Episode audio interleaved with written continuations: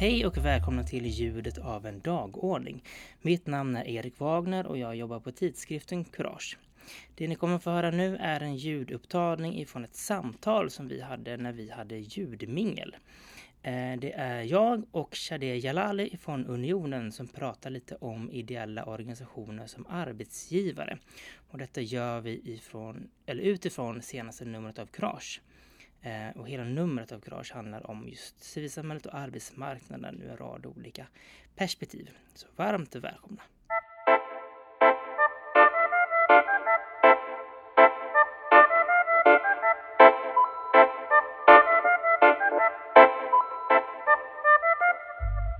Det här numret av Courage, som jag tänker några av er såklart har lusläst, handlar egentligen det är alltid så här när vi väljer ämnen så, så, så, väljer vi ganska breda ämnen och så försöker vi som förhålla oss till från ett gäng olika perspektiv. Så det handlar om, om arbetsmarknaden. Ehm, och då handlar det bland annat om civilsamhällets roll i att hjälpa personer in i arbetsmarknaden med, ehm, med arbetsintegrerade sociala företag till exempel. Eh, men flera av de här texterna handlar ju då om också ideella organisationer som arbetsgivare.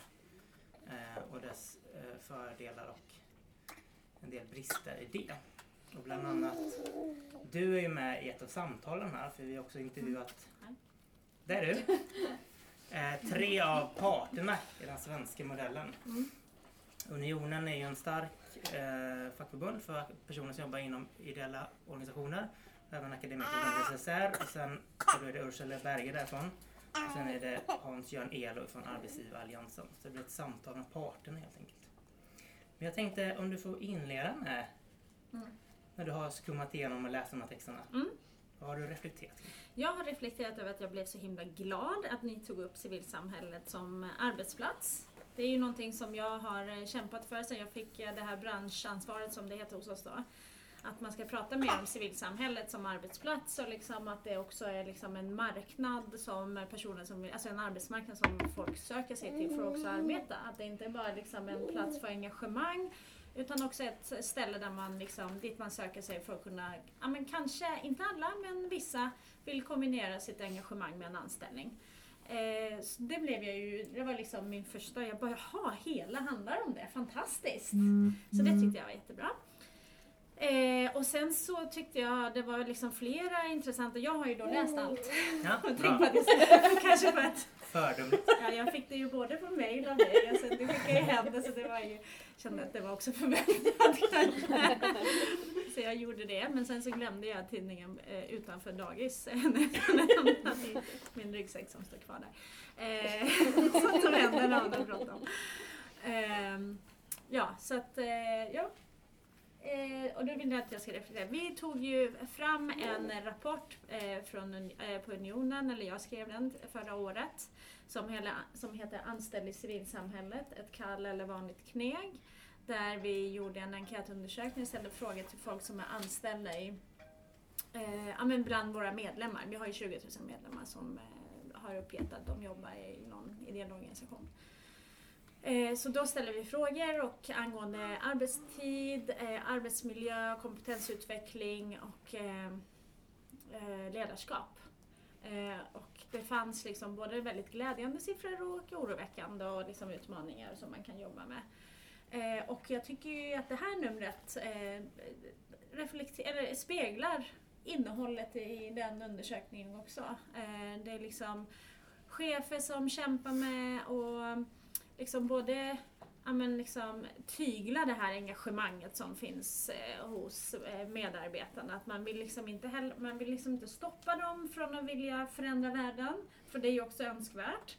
Men de har ändå liksom sin arbetstid och de kan inte vara för mycket kompisar. Och, eh, och att det, liksom, det ändå blir väldigt diffust. Nu är det här eh, anställda chefer som jag har läst tror jag i de här det blir ännu mer eh, problematiskt med liksom de här arvoderade ordförande eller de som inte ens är arvoderade, som inte är på plats på arbetstid och sådär. Utan de har andra jobb och så ska de liksom fjärr, eh, vara någon sorts fjärr, eh, dist, ja, men någon distansarbetsgivare. Liksom. Det är ju svåra frågor. Jag tycker att det här numret speglar det. Mm. Jag tänker vi kommer bland annat prata om, det finns två stycken anonyma texter av två medarbetare från två olika ideella organisationer som beskriver eh, men liksom lite hur de farit illa på grund av det som de beskriver som bristande ledarskap. Eh, och sen så finns det också en text ifrån av Louise Kallenberg som handlar om, om så här, den ideella chefens sju pelare som är som lite konkreta tips och tankar från henne utifrån hennes tidiga erfarenheter bland annat ifrån SSU. Jag tänkte börja lite i det här samtalet som du är med i, för det tycker jag är spännande. Det verkar vara så att du som representant för Unionen och Arbetsgivaralliansens representant har lite olika bilder av hur bra ideella organisationer är som arbetsgivare. Skulle du kunna bara säga någonting som rent generellt sett? Är vi bra? Är vi dåliga? Är vi usla? Är vi helt okej? Alltså jag, alltså jag och Hans-Göran sitter ju på andra möten där vi inte liksom Spelas in? Exakt. Mm. och i de rummen kan vi ju vara ganska överens om hur det ser ut. Men vi är inte överens om vad som är acceptabelt av en arbetsplats liksom. eh, eller arbetsgivare.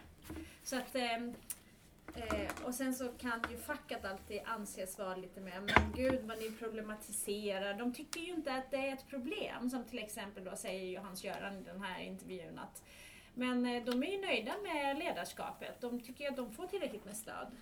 Medan jag säger ju då att eh, eh nej men, eh, de förväntar sig inte så mycket stöd. Det är därför de är nöjda med det liksom, ledarskapet. De tänker så länge jag får liksom, jobba fritt och jag får styra över mitt arbete så får jag, och liksom jag mejlar ordföranden och jag får svar via mejl två dagar senare så är jag nöjd. Men det är ju också för att man inte, ja men det är liksom en syn eh, som också förmedlar att man inte eh, tänker sig eh, liksom hur bra ledarskap kan vara. Så att, ja, men, och då blir det ju liksom olika men han säger att de är nöjda och säger de är nöjda, de är nöjda för att de inte vet hur bra det kan bli.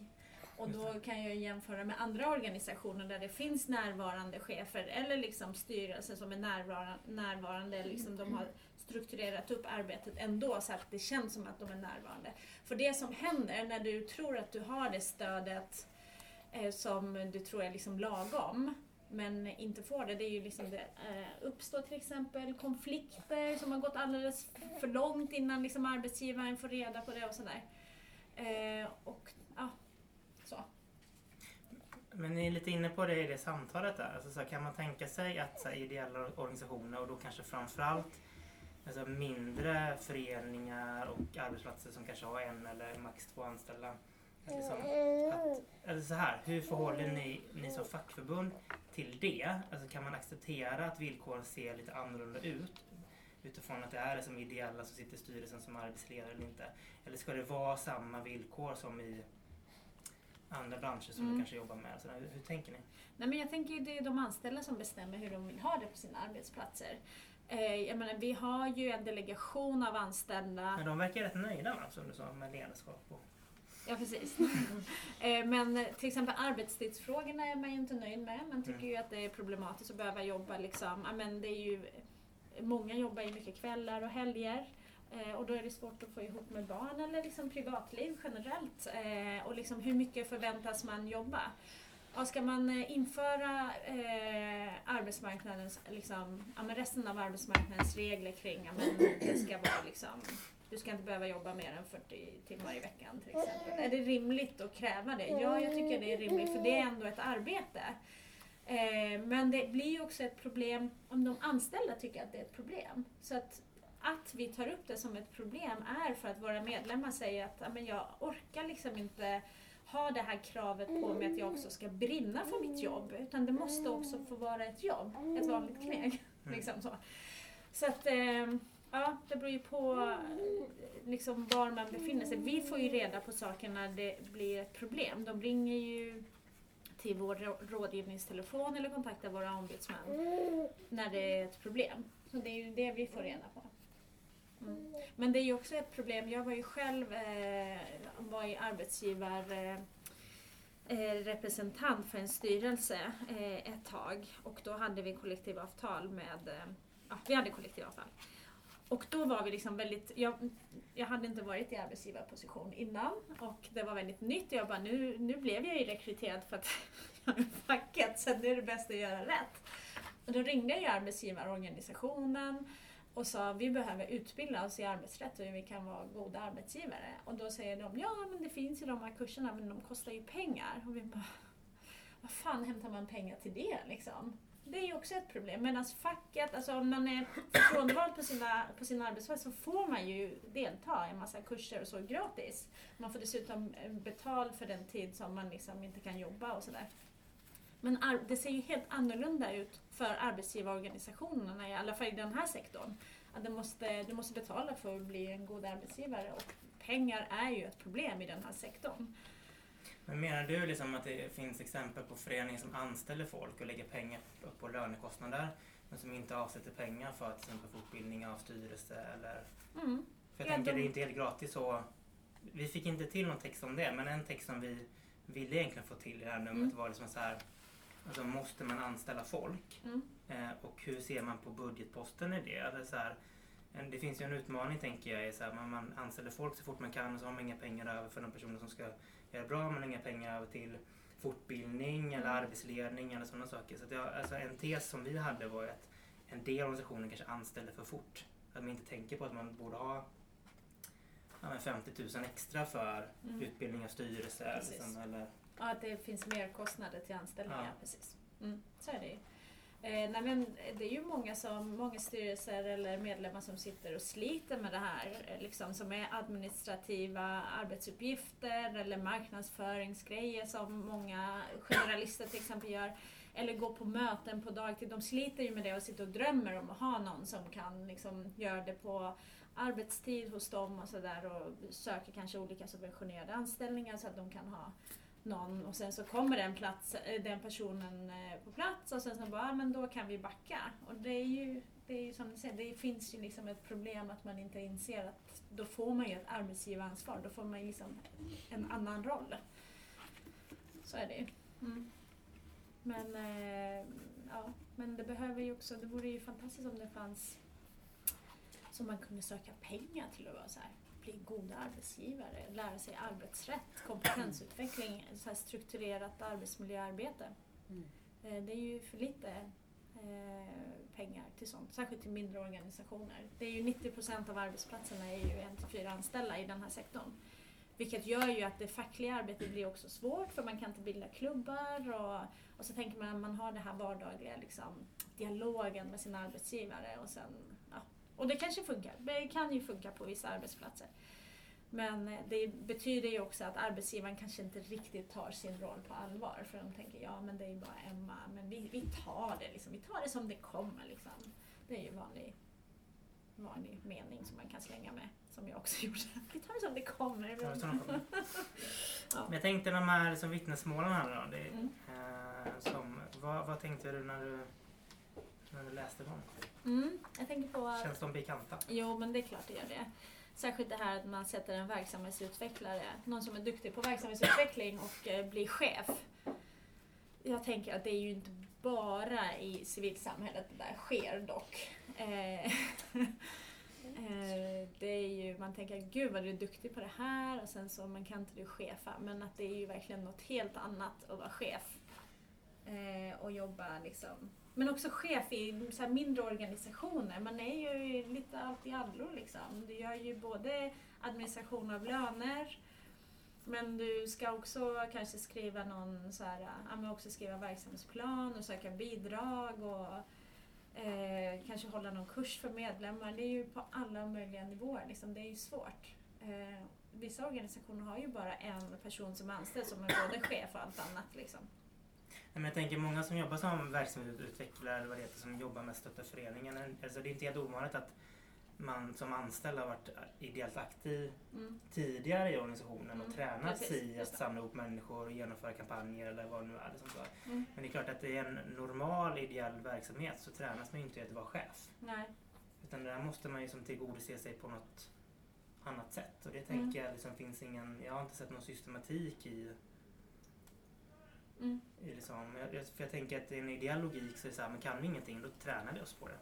vi går någon kurs och hyr någon föreläsare och Ja. så testar vi och så funkar det sådär. Och så testar vi nästa gång och så funkar det bättre. Liksom så. Men just att Mm. träna i att vara chef Mm. tänker jag är ju problematiskt. För då får man, alltså hur gör man, Ja, hur gör man? hur gör man det? Du, Men, men du, du är väl chef här? mm. Ja, hur gör du då? Det är en spännande fråga. Vi har ju kollektivavtal med er. Nej, men jag tänker så här, i mitt eget fall så har jag liksom i olika roller tränats att vara chef. Inte minst liksom att sitta i styrelser och fått ta liksom personalansvar eh, ibland och vi har turats om det sådär. Eh, så jag, jag tror att jag liksom har tillgodosett mig vissa delar Mm. eh, av det och också i, genom ett ideellt engagemang. Men det har ju inte varit helt oproblematiskt. Alltså så här, jag är ju en del, mitt första jobb som chef fick jag ju liksom utan att ha någon som helst erfarenhet och då kan man ju säga så efterhand att jag hade inte alla verktyg Mm. för att göra det där jobbet helt bra. Men man, och man blir också ganska eh, utlämnad som, eh, som chef helt plötsligt. Så att jag tycker, Var du anställd chef eller var du... Ja men då jobbade jag på? Rädda Barnens ungdomsförbund som förbundssekreterare. Jaha. Eh, Så det var min första som riktiga chefsjobb. Sen har jag haft som arbetsgivarledaransvar som, som ideell. liksom. Mm. Nej, Men jag tycker det är lurigt. Jag vet inte riktigt exakt hur man, hur man liksom fostrar bra ideella Ja, för det blir ju någonstans att man måste så här, fostra. Det finns ingen bra kurs i hur man blir bra. Alltså det finns ju ideella ledare. Ideella Arena har ju till exempel en del utbildningar. Så här. Men då pratar man ju också så här kring engagemanget och så här, man pratar kanske inte om hur man styr arbetstidslagen, hur man kombinerar arbetstidslagen med engagemanget. Det saknas ju Mm. för att man också vill hålla det öppet och göra olika i olika organisationer och eh, storlekar och sådär. Eh, men jag är ju själv, eh, när jag var på mitt förra jobb som också var civilsamhällsorganisation, gick jag också någon sån ledarutbildning men det var ju aldrig baserat på att man skulle bli chef utan det var ju så här ledare. Att chefa är ju ändå något annat. För arbetstid är ju en jätte, alltså det är verkligen stora utmaningar med den här sektorn. Jag tänker då också med sociala medier och liksom telefoner och en mobiltelefon där du är tillgänglig för ditt jobb överallt och hela tiden och hur man som chef ska sätta få liksom verktyg och, eller känna att man kan bestämma sig att, eller göra policies kring det. Jag tänker att, man, att här, vi är vana att organisera oss och vi borde kunna organisera oss också utifrån liksom, chefskap och Mm. säkra upp det där. Jag tänker till exempel att man mycket väl kan vara en helt okej chef så även som ny och jag har inte den vanan Mm. men jag tror man behöver löpande liksom, coachning eller mentorskap eller Ja. liksom en mycket mer Alltså så här, när, när vi valde att växa upp här så är det självklart att skaffa, skaffa kollektivavtal mest, alltså också för att få liksom, en arbetsgivarorganisation och ha en backup Mm. och kunna ringa någon. Liksom så här. Men det är Mm. inte Alltså, även om man har en bra arbetsgivarorganisation så är inte det en jättenärvarande person som man kan ringa till eh, varje dag. Liksom. Mm, mm. Eh, så jag tänker att det där Men känner du att det händer någonting i er organisation i och med att ni tecknade avtal? Nej, inte än. det tror jag inte. Men varför gjorde ni det då? Eh, för, för, för mig så handlar det väldigt mycket om att komma åt kollektivavtalet. Mm. Att det skulle liksom vara en, en, en stadga i att, det, att, att så många villkor var liksom färdigförhandlade i väldigt hög utsträckning. Det var skönt, det var som orimligt att vi skulle sätta oss ner liksom och förhandla om, Mm. om allt det där. Eh, men också att det skickar en bra signal. Alltså så här, vi vill locka till oss mer kompetens, vi är Mm. rätt människor, rätt uppdragsgivare. Så det finns ju andra massa fördelar med det. Men också komma åt en bra arbetsgivare. Så när, om det skiter sig att man ska kunna som chef då kunna ringa någon och Mm. säga hej, hur, hur gör jag det här på rätt sätt? Precis.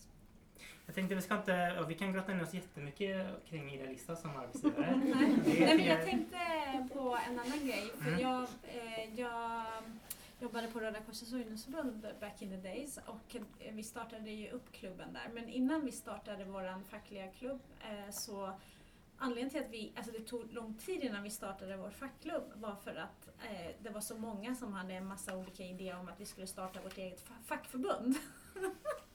det är så typiskt eh, ideella. De bara, nej vi har något eget som är mer innovativt och liksom passar oss. Eh, och det bidrog ju inte till någonting för alla var ju med i olika organisationer. Och så kom det en person från, eh, ja det var HTF på den tiden, och bara men det här, det här, det här är liksom fördelarna med att ni är med i samma organisation, då kan ni gå ihop och ha en röst och då behöver ni inte bygga upp liksom strukturer som redan finns till exempel i kollektivavtalet. Sådär. Och då gick ju alla med och vi kunde bilda en klubb. Men just det här att liksom, känslan av att men, det, facket är för stelbent och så här, det är ju liksom några föreställningar som stoppar många i att liksom inte vilja teckna kollektivavtal och sådär men att det ändå är liksom någon bra lägstanivå som du säger och ha liksom, då, då finns det i alla fall ordning i, liksom, i något papper Mm. som heter avtal. Och det är ju bra. Mm. Eh. Jag tänkte bara, vi ska runda av. Eh, Men jag tänkte att du ska få säga någonting med när du pratar med era medlemmar som jobbar inom ideella organisationer. Finns det någonting som är genomgående som de lyfter upp som positivt? Men vi har varit väldigt negativa här nu va? Eh, om det finns någonting som är positivt med att jobba i en ideell organisation som är liksom genomgående. Meningsfullt jobb. Det är sånt som särskiljer sig från andra Mm. branscher. Ja, man sticker ut med. Och nu i senaste mångfaldsbarometern som vi gjorde på alla medlemmar så uppger eh, ideella organisationer det som eh, den sektorn som leder eh, leder utvecklingen, om man ska säga. Det är liksom minst problem med diskriminering. Mhm. Jag har i och för sig problematiserat det då, såklart. för att jag vet också att civilsamhället jobbar ju väldigt mycket med att öka mångfalden. För det ser ju, alltså det är ju en sak att vara så här RFSL och alla HBTQ-personer är välkomna och man känner sig inte eh, diskriminerad som HBTQ-person. Men det är en annan att vara en jättestor organisation och eh, om man bara, okej ni är alla vita heterosexuella, vad händer här liksom? Mm. Ja, så att eh, det är ju beroende på vad man kollar. Eller liksom Men eventuellt, eventuellt så är organisationen bättre på mångfald. Ja men säkert. Ja. Fint. Jag tänkte så här, är det någon av er som har någon tanke eller fundering eller något berikande inspel? Jag har en fråga. Mm. Eller jag har två frågor. Eh, först en fråga. Varför är det alltid ideella sektorn som ska behöva anpassa sig? Just jag tänker kring så här, okej, men vi har inte resurserna eller liksom de inarbetade normerna som liksom kanske näringslivet har när det kommer till anställda. Varför ska vi varför behöver det vara så att det är civilsamhället som måste anpassa sig för att kunna på något sätt leva efter konstens alla regler? Eh, kan, finns det någon så här, varför, finns det någonting åtråvärt från civilsamhället som mer borde kanske influera andra sektorers arbetsgivarskap? Och sen undrar jag lite om metoo, eller inte undrar, jag tänker att eh, finns det någon, eh, i och med hela metoo-uppropet, eh, finns det tillräckligt med beredskap för att hantera den typen av problematik bland civilsamhällets arbetsgivare? Finns det liksom en ökad kanske på något sätt beredskap för att hantera den problematiken för att den sitter på en annan typ av liksom, eh, skolning i den typen av frågor men inte det rent arbetsrättsliga eller det arbetsmiljöarbetet? Eh, jag vet inte om det blev en fråga. Alltså problemet med fråga två då, Mm. om vi går in på det direkt, så är det ju att eh, det som är svårt med civilsamhället är ju eh, den här förtroendevalda medlemmar versus anställda och hur man kan bli utsatt för saker och ting däremellan och att det, eh, maktbalansen kan vara så himla skev och man kan liksom, hur anmäler man vad till diskriminerings, eller liksom eh, anmäler för diskriminering eh, Eh, till sitt fack eller till DO. Att det är så himla luddigt. För att det är liksom en sak för anställda men sen så när det är förtroendevalda och medlemmar eller medlemmar som utsätter andra medlemmar. Alltså det är så himla svårt. Eh, anställda delen är ju lättare på något sätt just för att det ska finnas en arbetsta- eller vad heter det? Eh, ansvarstagande arbetsgivare och sådär som man kan. Men eh, det är svårare med arvoderade personer och eh, medlemmar och förtroendevalda. Men får jag fråga dig? alltså så här, hur räknas, om man jobbar som verksamhetsutvecklare Mm. ute i landet någonstans och så jobbar man gentemot ett antal lokalföreningar till exempel. Mm. Alltså hur räknar man eh, den anställdes arbetsmiljö? Mm. Alltså, för jag tänker att så här, mycket av det här handlar ju om bland annat här, med kommentarer och attityder gentemot lokalföreningar. Och det, där massa anställda i civilsamhället har vittnat om att man får ganska mycket kommentarer, sexis- sexistiska kommentarer och eh, diskriminerande attityder och sådana saker som Mm. är liksom hos de ideella. Mm. Hur, hur tänker ni som... Ja, men det är ju upp till chefen att hantera det, så är det ju. Det blir ju chefens ansvar. Mm. Chefen definierar vad... Nej men det är ju den anställda, alltså det är ju alltid den som blir utsatt, det är ju den personens upplevelse som man ska utgå ifrån. och då måste ju chefen liksom ha en plan för liksom det redan på förhand. Men oftast är det ju att det där kommer ju oftast i efterhand, om ens det. Det är ju, alltså, ja, man gör ju inte en massa planer om man anser att någonting inte är ett problem. Så brukar det ju vara. Liksom, för organisationen måste göra en massa andra saker. Jag säger inte att det är rätt, men det är så det brukar se ut. Eh, ja, Men normer då, som Hedda var inne på kring...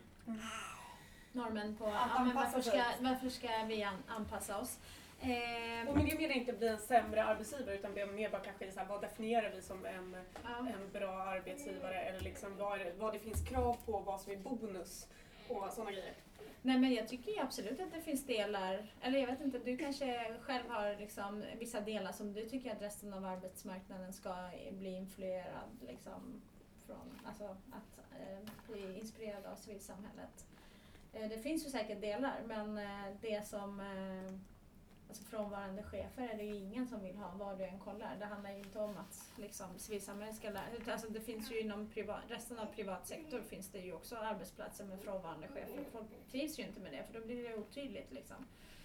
Eh, men just det här engagemanget och så är det ju många näringslivsaktörer som försöker liksom sälja på olika sätt.